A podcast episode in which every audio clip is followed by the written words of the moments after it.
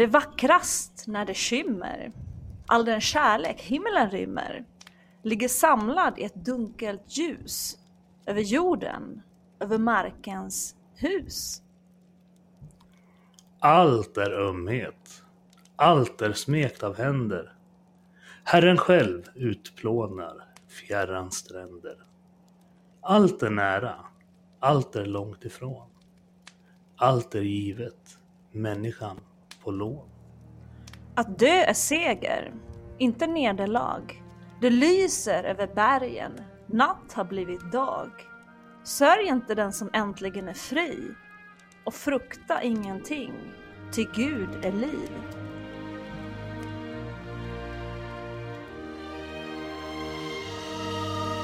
Varmt välkommen till Kristna Datingpoddens adventsspecial. Med mig, P.O. Flodström. Apologet, entreprenör och opinionsbildare. Och Silla Eriksson. evangelist, entreprenör och opinionsbildare. Vi hoppas att våra adventsavsnitt ska få lysa upp de här mörka decemberdagarna och bidra med lite glorious energi vart ni än befinner er i vårt avlånga land. Ta väl hand om varandra nu när vi återigen väntar på julen. Och låt det få bli en tid av mycket mys och, och bus. Podden presenteras i samarbete med kristendate.se och studieförbundet Bilda. Glad Glad andra advent på er allihopa och varmt välkomna tillbaka till Kristna Datingpoddens nedräkning till jul! Det jag och PO kommer att släppa nu ett avsnitt varje vecka fram tills eh, julafton. Men PO, berätta, hur mår du idag? Har du hämtat dig efter vår lilla julfest i lördags? Ja, alltså för min del var det ju inte så ansträngande. Jag dök ju mest upp och var peppig. Det var ju du som hade ansvar för allt tråkigt. Eh, Men eh, du är nöjd med allt? Ja, men alltså det var ju helt glorious! Alltså jag älskar ju verkligen lilla jul. Och såklart så kom ju moderattomten. Alltså P.O. jag visste att det var den blå moderattomten som skulle komma till slut. Alltså de flesta som kom eh, kände ju faktiskt att det var väldigt roligt tror jag ändå. Och så kul också att Christer Roshamn kom och höll andakt för oss också. Och mingelbingot, alltså det tyckte också många var väldigt roligt. Ja, det är nog du som är en moderat-tomte Silla. Julen, den ska vara en riktig röd sossetomte så att alla får julklappar. Well, P.O. alla fick ju julklappar. Ja, fast de behövde ju prestera och sånt där, så det var en höger sosse-tomte. Ja, fast P.O. ingenting kommer gratis i livet. Det här har vi ju pratat om. Allt i livet har en prislapp. Vill du ha någonting så får du jobba för det. Inte nåden! Så börja inte moderatermuppare nu igen. Nu tycker jag vi fortsätter med dagens ämne här. Ja, ja, ja. Men vi befinner oss ju nu i andra delen av trilogin om familjen Elsander. Om att leva mellan hopp och tvivel, men att ändå känna frid. Sen fjärde advent kommer vi att fira tillsammans med ängeln på Malmskillnadsgatan, Elise Lindqvist. Ja, och sen så får ni ju inte missa vårt eh, julspecial i år med Fritiof, Tess eh, och, och som kommer då eh, kvällen för julafton. Ja, och våra vänner, den dynamiska duon Tess och Fritiof verkar mer pepp än vanligt, så jag tror det kommer bli helt glorious. Men PO, vi kanske ska säga till lyssnarna att eh, just det här avsnittet nog inte, ja, det blir nog det mörkaste i vår trilogi. Ja, jo men tillsammans med vår poddpastor Andreas Skogholm och Pennys kultursällskaps vice ordförande Andreas Hårsmar så kommer vi den här veckan att eh, samtala med Emma Elsander om sorgeprocessen efter Joachims hemgång som ni kunde höra honom berätta om lite grann i förra veckans avsnitt. En PO vadå poddpastor? Jag trodde att vi hade kommit överens om att referera till honom som myspastorn. Jag tror vi ska vara lite försiktiga med vad vi kallar honom för. Ifall han inte ska börja kräva att bli refererad till som Andreas med apostrof. Sist när Fritjof kallade honom för rockpastorn och Tess kallade honom för sexpastorn så började han se riktigt besvärad ut. Okej. Okay. Men P.O. när du får en församlingstjänst att bli pastor, vad vill du kallas för då? Bra fråga Silla. Oh, oh, oh, extra allt-pastorn kanske? Du då? Om du tänker sno extra allt så tjing-paxar jag Glorious-pastorn. Eller kanske The Bästis Jättekom-pastorn. jag som trodde att Andreas Nilsen redan hade paxat de titlarna. Nej då, han glömde säga kärnstopp så titeln är officiellt min. Amen! ja, men nu ska vi inte överdriva. Du vet om att amen betyder så säger Herren va? Känner mig inte helt så självsäker att jag vill göra sådana påståenden faktiskt. Nej, just det. För du är ju verkligen känd för din ödmjukhet och ditt timida sinnelag. Nope! anyway, eh, vad är dina erfarenheter av sorgeprocesser, Silla? Ja, alltså ska jag vara helt ärlig nu så är ju inte det här alls mitt ämne. Så jag ska vara helt ärlig och säga att jag känner inte att jag har jättemycket att bidra med i det här ämnet faktiskt. Uh, alltså jag har inte riktigt så här några erfarenheter av det faktiskt. Alltså jag kommer ihåg när min hund dog och det var ju jättesorgligt såklart.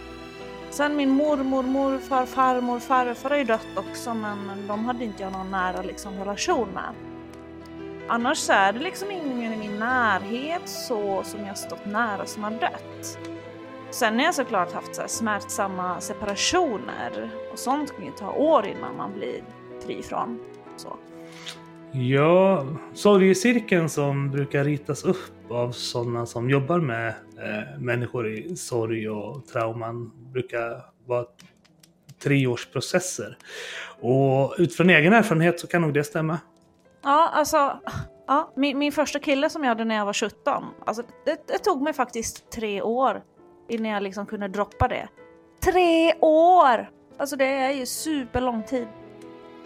Ja, jo men hjärtesorg kan ta tid. Och ibland så skapar såren ärr som sitter kvar resten av livet. Men känner du igen dig i Emmas berättelse då? Jag tänker utifrån när din familj gick hem och hur du kände igen dig i de känslorna i samband med din skilsmässa och så? Ja, jo. Um, jo, men jo, men både och. Eh, alltså, det gemensamma med 2010 är att det handlade om död. Uh, alltså när mamma, och mormor och morfar dog. Så. Det gemensamma med skilsmässan var att jag på sätt och vis i varje fall fick tid att ta farväl där. Det var vid ett tillfälle i december där Annie för en kort kväll kom ihåg glimtar av det som varit. Så hon slutade liksom för några timmar av att vara arg och sörjde tillsammans med mig det som hade gått förlorat. Medan när morfar, mamma och mormor dog så var det mer utav en chock. Eh, så jag bearbetade aldrig tillsammans med dem trots att mamma i likhet med Joakim dog i cancer som från upptäckten tog ungefär ett år på sig att ta hennes liv. Så. Ja, alltså, alltså, jag tycker verkligen det är så himla sorgligt. Alltså så här, med all smärta som finns ute i världen.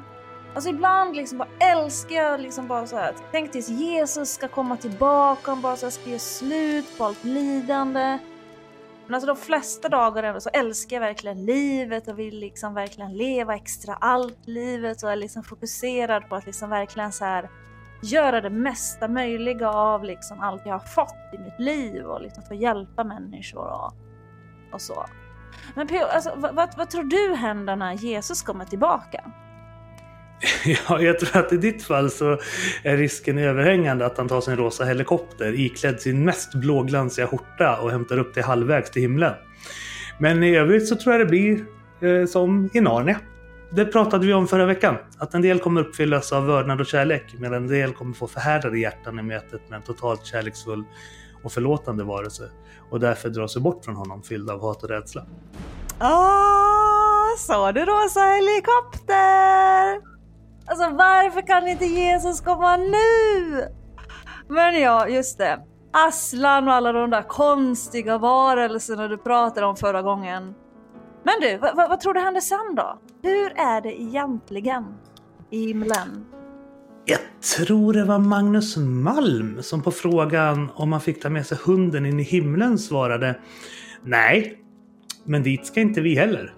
Eh, himlen kommer att omsluta jorden och där kommer även Nala, Teddy och senare Penny och Rafael och Doris också finnas. Så det kan du hälsa Solbritt. Såg att hon hade ställt den frågan i projektet Vad frågar Borlänge Gud? Åh, oh, men så glorious!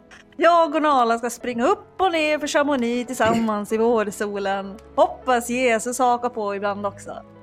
Och sen när jag kommer till himlen då ska jag så här, du vet, sitta på en fjälltopp hela dagen och käka lintkulor. Sen ska jag ha tio olika tiny houses och så ska jag ha en rosa van och en helikopter.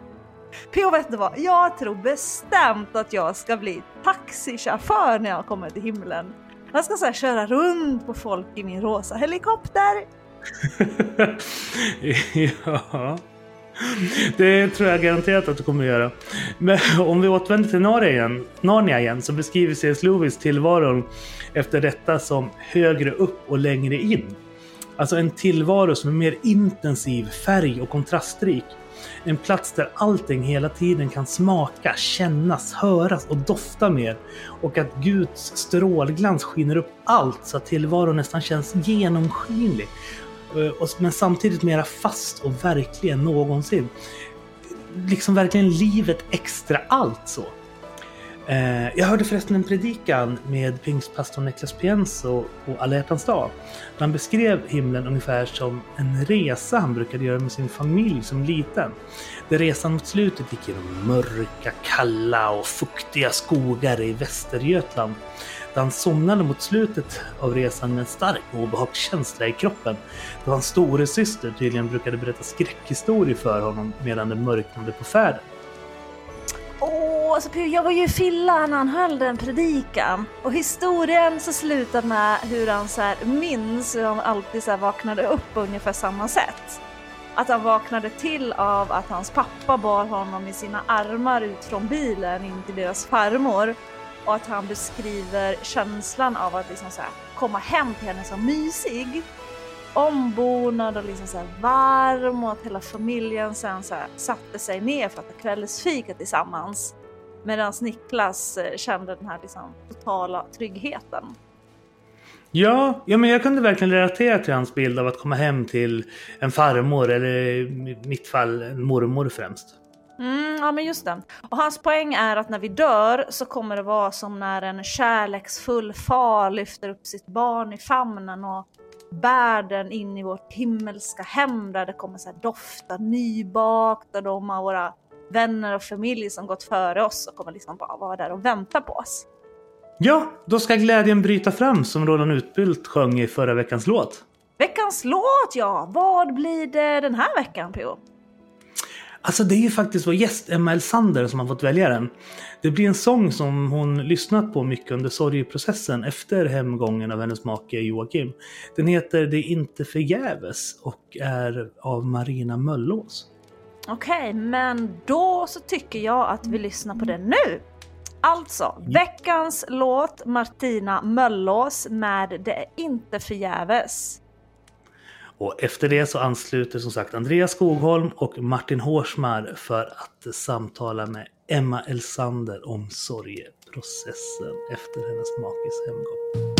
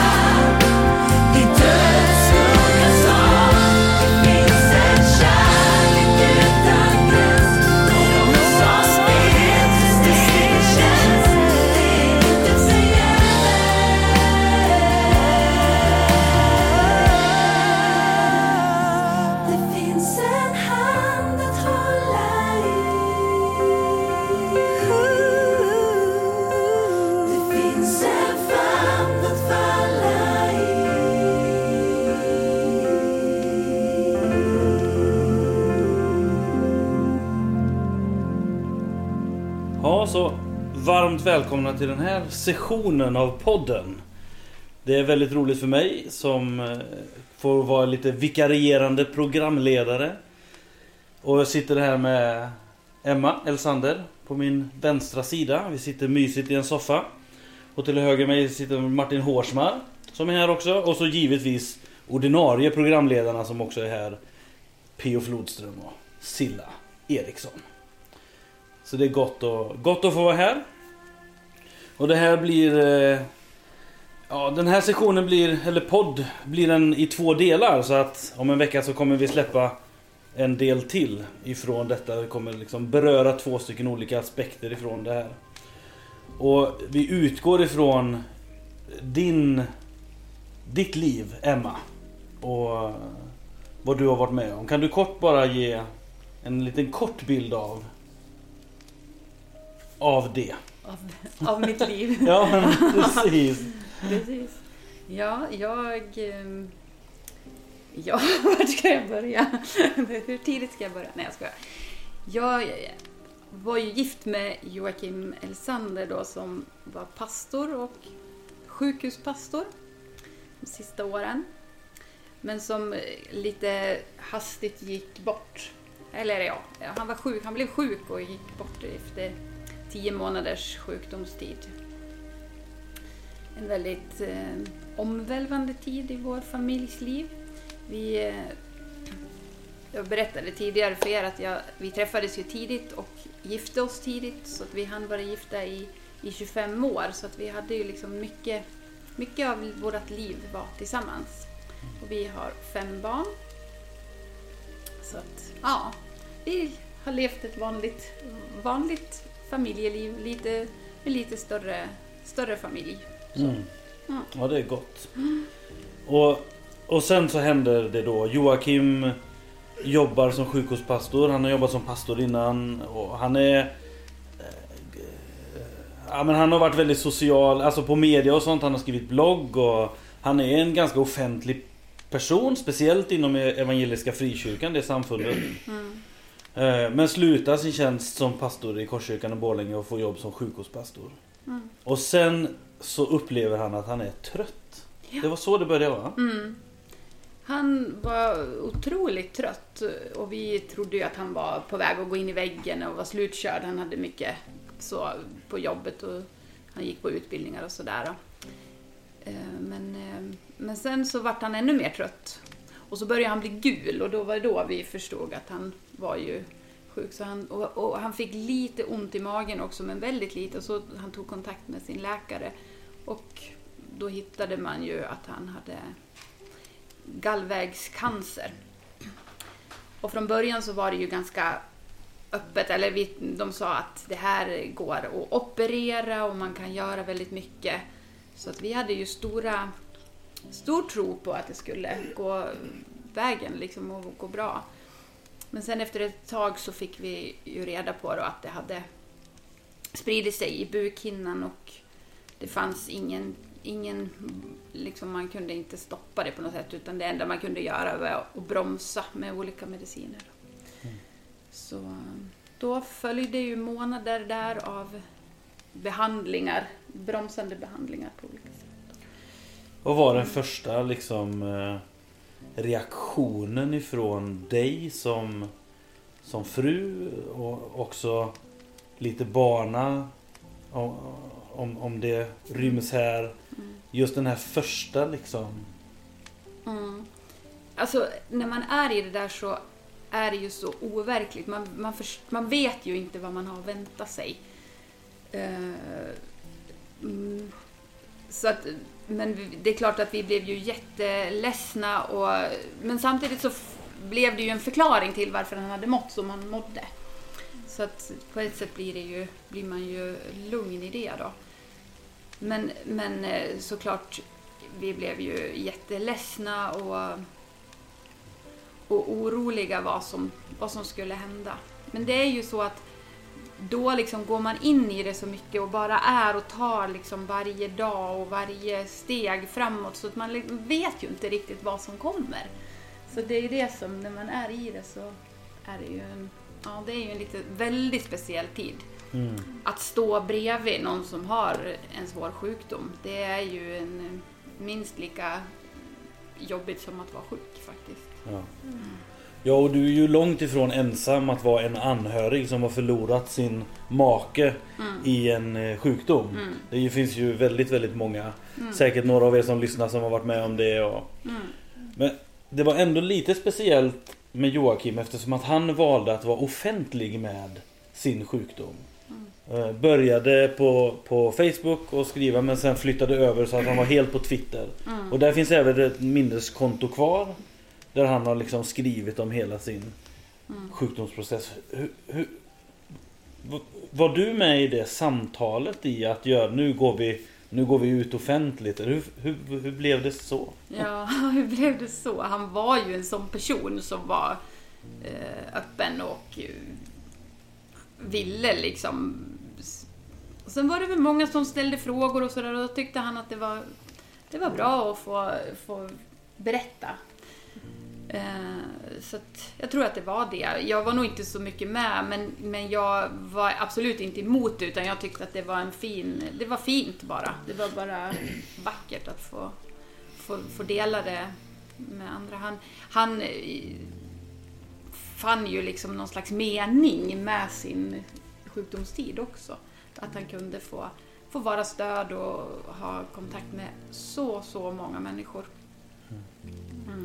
Kunde du se den meningen också? Ja, ja, det gjorde jag då också. Jag eh, såg den. Ja, Ja. absolut. Hur var det? Eh, som, som kristen har man ju hoppet i att Gud helar och ibland är det ju så att Gud också gör det. Han, han helar. Det finns en eh, bok om av Grenholm heter den va? Dokumenterade mirakler. Ja men precis. Den har du läst Martin och tycker den är väldigt bra. Absolut. Ja. Vad skriver han om i den? Där börjar han ju, alltså det är ju inte en bok som är, alltså det är ju inte en berättarbok om man säger, där han går igenom olika så här mirakelhistorier bara. Utan framförallt så är det en, en bok där han argumenterar för Guds existens och, och kristendomens liksom, ja men en mer en apologetisk bok. Men han, han gör det utifrån att han eh, tar fram olika mirakler som Ganska många, jag kommer inte ihåg exakt hur många det är men det är nästan 40 kanske. Mirakler som också har läkarevidens och så vidare. Så, så går han igenom tydligt att här har vi en massa helanden som vi inte har eh, Som det inte finns någon förklaring på. Eh, annat än att, att Gud skulle ha gripit in. Eh, och sen utifrån det så gör han sen en, en, liksom, en resa över att eh, eh, ja, därför finns Gud och den kristna Gud. Det är hans poäng. Men i hela den mirakelhistorien det är, ganska, det är inte så sentimentalt så att man, om man får långa utläggningar utan det är väldigt så här korthugget bara. Det här hände smack och här har vi läkarintyg på det. Här hände smack läkarintyg. Men då var det ju, det finns ju flera till exempel cancerfall då, som, som han nämner i boken. Eh, Av människor som har blivit helade från cancer och andra sjukdomar också. Jo- Joakim blev ju inte helad. Nej. Men under tiden, för det är ju där vi är nu, under tiden så här, hur, hur gick era tankar kring, kring det? Mm. Alltså vi pratade ju mycket om det, jag och Joakim, om att vi ville inte ha det som den enda tanken. Joakim pratade själv mycket om det, att, han, att man måste ha, liksom, kunna leva med båda tankarna. Att, ja visst, ett helande kan ske, och det är ju jättestort och fantastiskt. Men det kan också vara så att det inte kommer ske något helande. Och då måste vi som familj och vi som står nära måste kunna vara med och, och liksom leva med den tanken också. Så att vi, vi hade hela tiden dem parallellt med oss, om man säger då, i, i den tiden. Sen var det väl så att, att eh, sakta men säkert så såg vi ju hur hans kropp bröts ner. Men han eh, fick ju vara med om så otroligt mycket saker och att få liksom ha den här kontakten han, han, eh, med alla människor och få hjälpa och stödja och nå ut till så många om den här tanken om att, pra, att våga prata om sorg. Och det var ju mycket det som han kunde inspirera till att faktiskt att vi ska våga prata om det. Mm. Så det, ja. Men just den där dubbla, att, att ha, inte liksom hänga upp.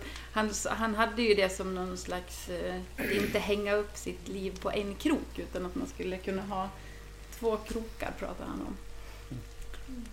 Ja. Ja, det är väl så. Det går ju att konstatera på något sätt.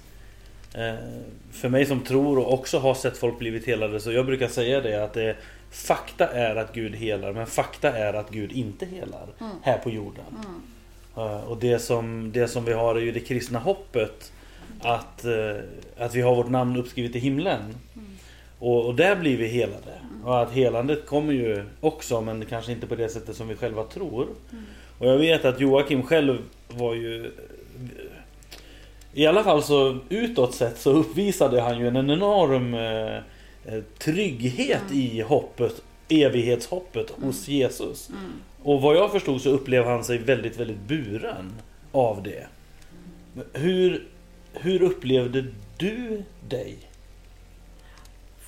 Alltså fantastiskt buren. Det är helt enormt vad jag har känt mig buren, om man kan säga så. Genom det här. ehm, och att vi hade så många människor som, som stod runt omkring oss, men också som, som eh, ja, gav oss Ja, eller ja, det är som att man har känt sig buren verkligen av, av Gud genom det här. Att han har varit med, han har gått med hela tiden. Jag har inte känt mig lämnad på något sätt. Inte alls. Pio, du tänker ju mycket på teologiska frågor. Du är ju fantastisk i att debattera och såna här grejer. Och jag vet att du också har samtalat om de här sakerna med, med död och helanden och, och så här. Men vad, vad skulle du, har du någonting som du vill ge in i det här? Men en sak som, jag, som Joakim sa när jag intervjuade honom precis några månader innan han gick hem var just att han tyckte det var problematiskt med att vi inom frikyrkan talar som ifall det är normen att människor blir helade. Eh, och att när vi lyfter upp olika idrottsskador i karismatiska sammanhang så skapar man en förväntan på att normen är att du kan bli helad från en terminal sjukdom. Men han menar att fast normen är ju att Gud inte griper in på det viset som vi förväntar oss. Eh, alltså att ett helande sker. Så. Och det här kommer jag ihåg när min mamma var sjuk i cancer också under ett års tid och varje behandling gjorde att hon blev sämre och sämre istället för bättre. Att, eh, Eh, jag var ju lika rädd för att hon skulle dö som att jag skulle förlora mitt kristna hopp i samband med den här processen. Delvis på grund av att eh, min mormor också trodde så starkt på att ett ingripande skulle kunna ske så, att ett mirakel skulle kunna ske. Eh, och när mamma ändå dog, då tog det bara två månader innan mormor dog också. För att hon, hon tappade livsgnistan. Och, liksom, och det tänker jag att det skulle kunna vara intressant att höra om hur Joakim pratade med kanske framförallt barnen men även dig om hur ni inte skulle riskera att tappa ert kristna hopp ifall ett helande inte inträffar. Mm. Ja, men jag tror att vi, vi, vi pratade ju mycket om det att, att ett helande, om ett helande sker så är ju det ändå temporärt. Det, det kommer ju inte vara hela livet i alla fall, för någonstans måste man ju dö. Och sen också att, att det här att man inte blir helad, det handlar ju också om brustenheten i världen. Att, att, att Guds rike finns, eller är här, men ännu inte helt fullt ut. Så att sjukdom och död och olika sorger och tragiska saker, det, det finns och det existerar. Det är liksom ingenting som vi kan... Det händer, det är så. Det är livet. Och, mm, det måste man förhålla sig till på något sätt. Och, och vi pratade nog mycket om vi pratade nog mycket om det för att vi, vi var ju också såklart rädda för hur, hur människor runt omkring och barnen också, hur de skulle reagera och tänka och sådär. Men jag tror att vi, vi har lyck, lyckades ändå bra att prata om just att det, vi kan inte, vi kan inte veta, vi kan inte påverka utan vi, vi måste bara förhålla oss till det här. Mm. Det är ju en grej som, ehm, och som berör det här också. Det är ju eh, in, innan Jag har ju också personligen lärt mig mycket av Joakims resa. Så som många andra har gjort också. Eh, Och en av de grejerna han sa var just det här att Många som, som dör, de vill dö snabbt. Mm. Att man vill vara i en bilolycka eller något sånt där så att det går snabbt. Och, och han, han talade om välsignelsen i att dö långsamt. Mm. Och han har skrivit brev till alla sina barn.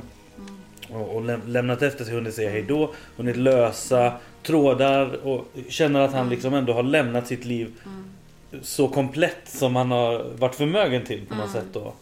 Eh, och det tog verkligen tag i mig. Och det, eh, just det här i... ehm, det, det är ju också en nåd att han fick reda på sjukdomen och gick och...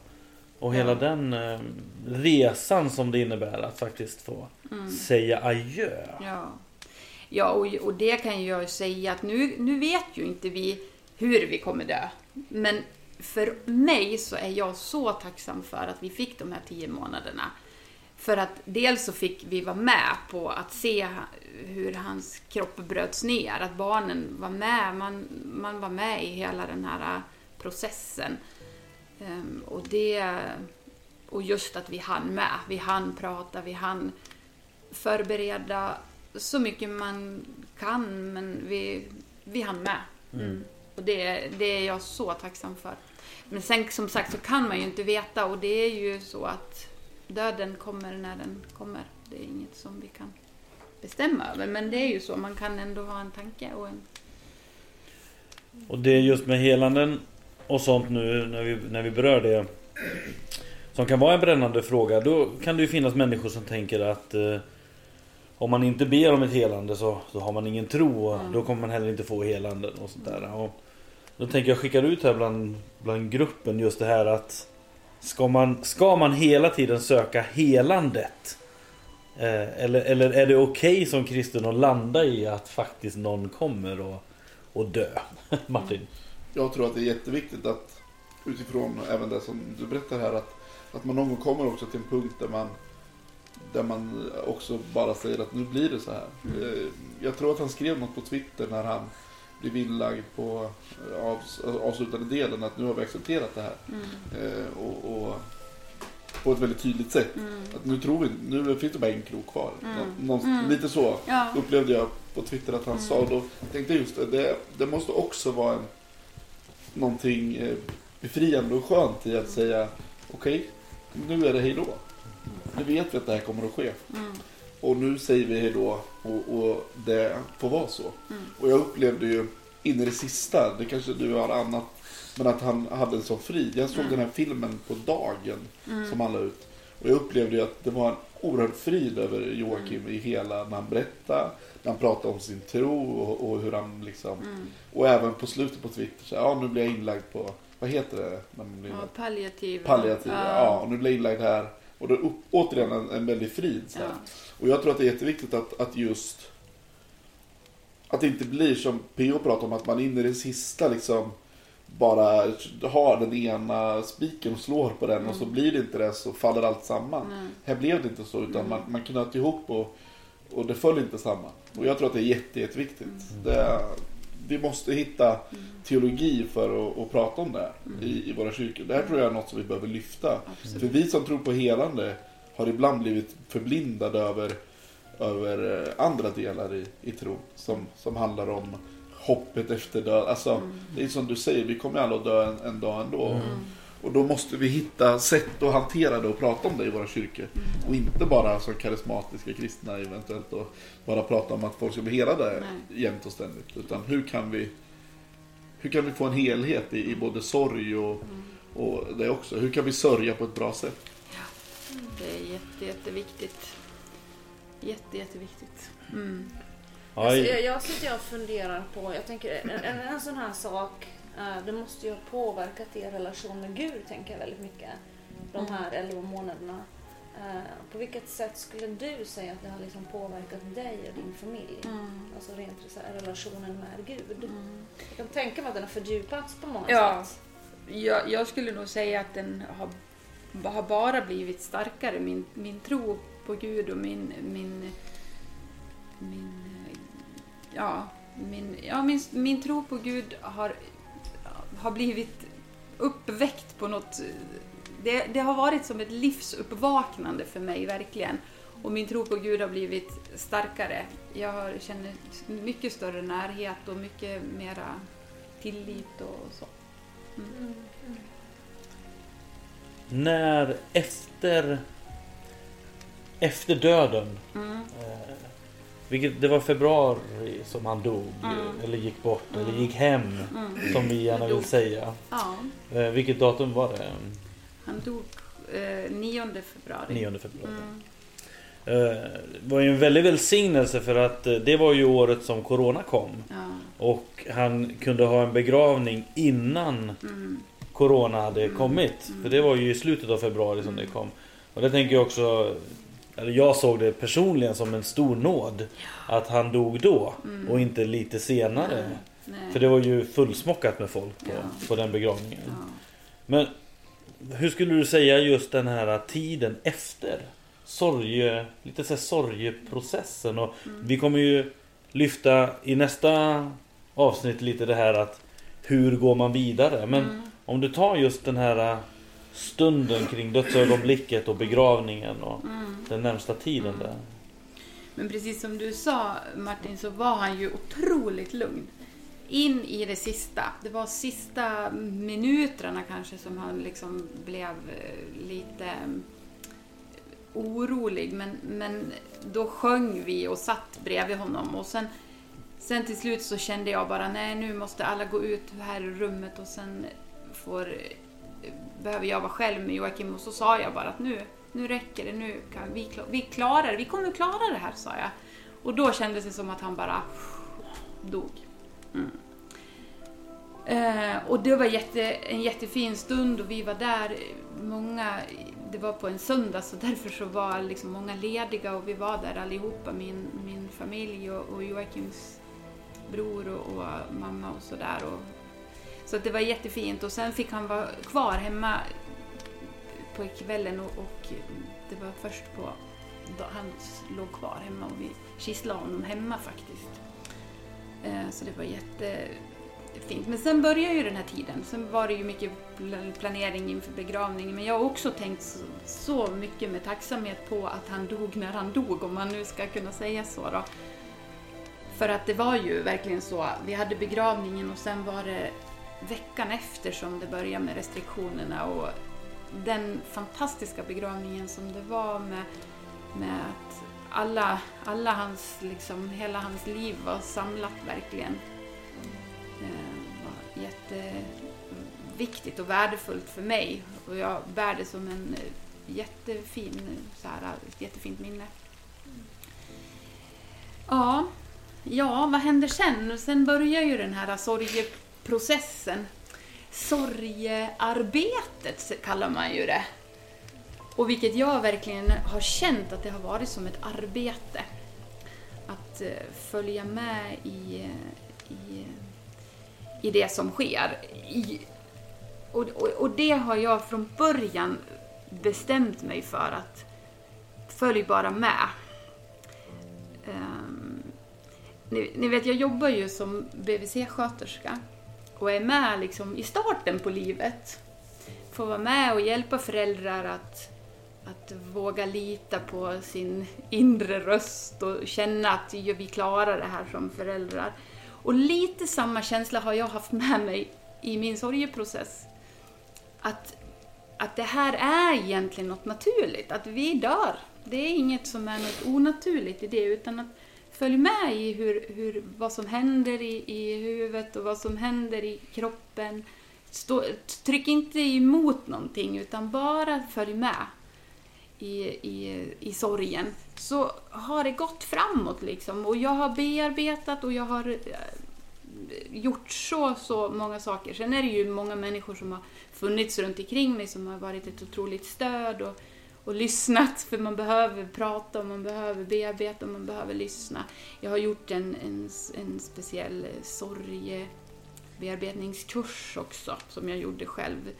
Um, som också har varit väldigt värdefull. Där man liksom får gå igenom mer stegvis. Här. Men, men just den här känslan att följ med bara i sorgen, den har varit jättestark för mig. Och, och, och gör man det så, så tror jag att att inte tycka någonting. Alltså har jag varit ledsen då har jag gråtit. Har jag varit glad så har jag varit glad. Har jag varit arg så har jag varit arg. Och bara låta alla känslor komma. Det är eh, mitt stora råd till Mm. någon som är i den här situationen. Hur var det rent Mm. praktiskt? Blev du sjukskriven? Var du sjukskriven under perioden eller hur?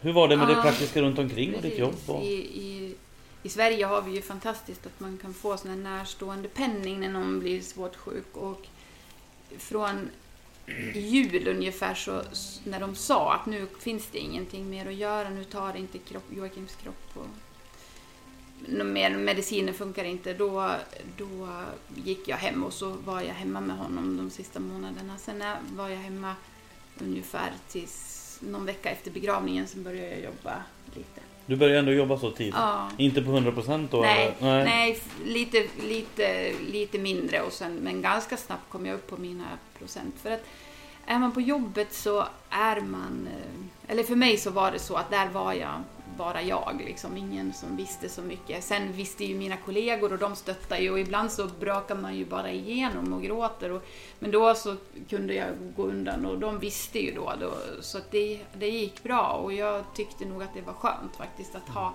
rutiner och att det liksom rullar på. Alltså då levde du i ditt eget råd även på arbetsplatsen? Mm. Ja. det gjorde jag. Mm. Ja.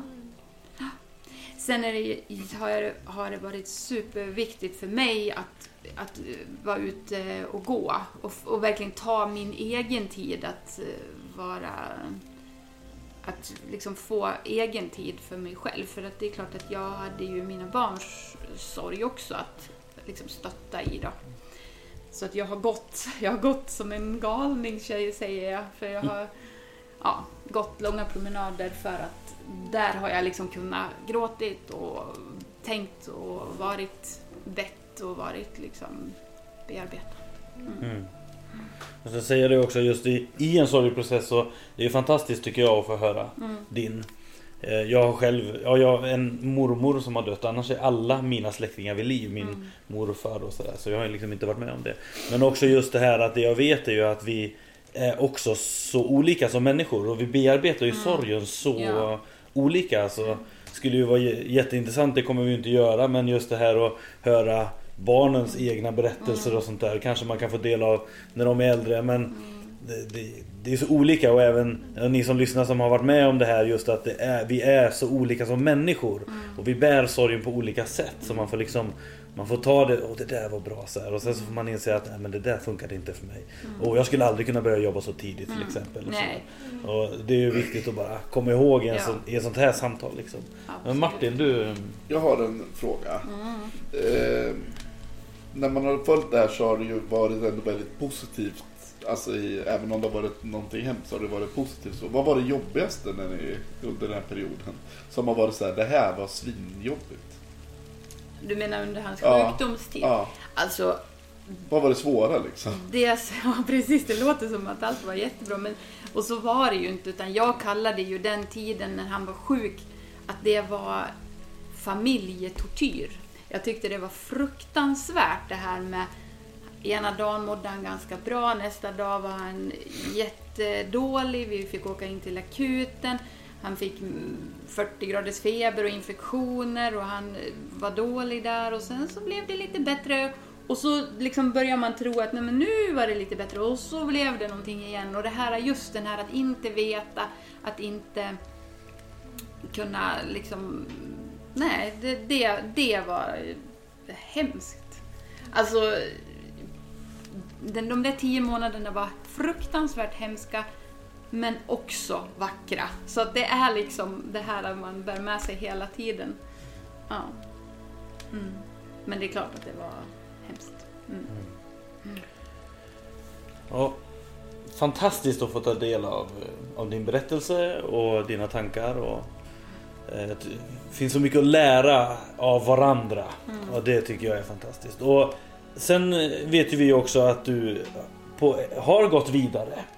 Du har gjort eh, något speciellt med din vigselring till exempel och, och du har signat upp dig på en datingsida och någon, du har liksom gått vidare i livet och nästa avsnitt då kommer vi prata om de grejerna. Och det ska ju också bli väldigt spännande just hur lämna, hur snabbt kan man lämna? Får man dåligt samvete när man eh, är för tidig i eller ja, känner man åh jag måste sörja en viss tid och sånt där. Men det kommer vi inte prata om nu utan det kommer vi prata om eh, nästa vecka. Så då är ni varmt välkomna tillbaka. Jag lämnar eh, ordet över till P.O. och Silla. Ja, vi tänkte avsluta det här avsnittet med att spela en sång av Elin Gårdestig. Ni som lyssnade på vårt julspecial, vilket kanske inte är så många för det var ett 12 timmar långt avsnitt, har hört den här eh, låten tidigare. Men Elin skrev den till Joakims begravning och den heter En ny dörr. Så att eh, vi avslutar eh, veckans avsnitt med att lyssna på Kristna Datingpoddens husartist Elin Gårdestig med sången En ny dörr.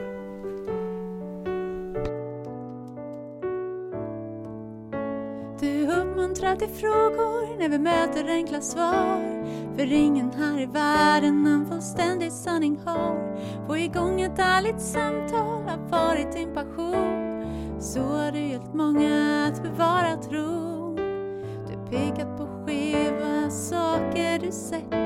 Förundras över nuet med en evighetsrespekt. Nu går du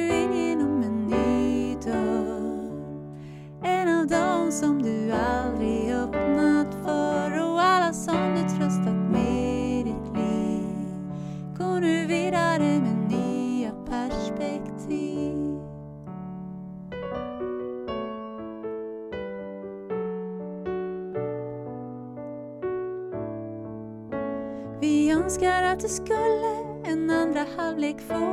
Att du skulle få se barnen växa upp ändå. Att Gud skulle välja att starkt gripa in Förbarma sig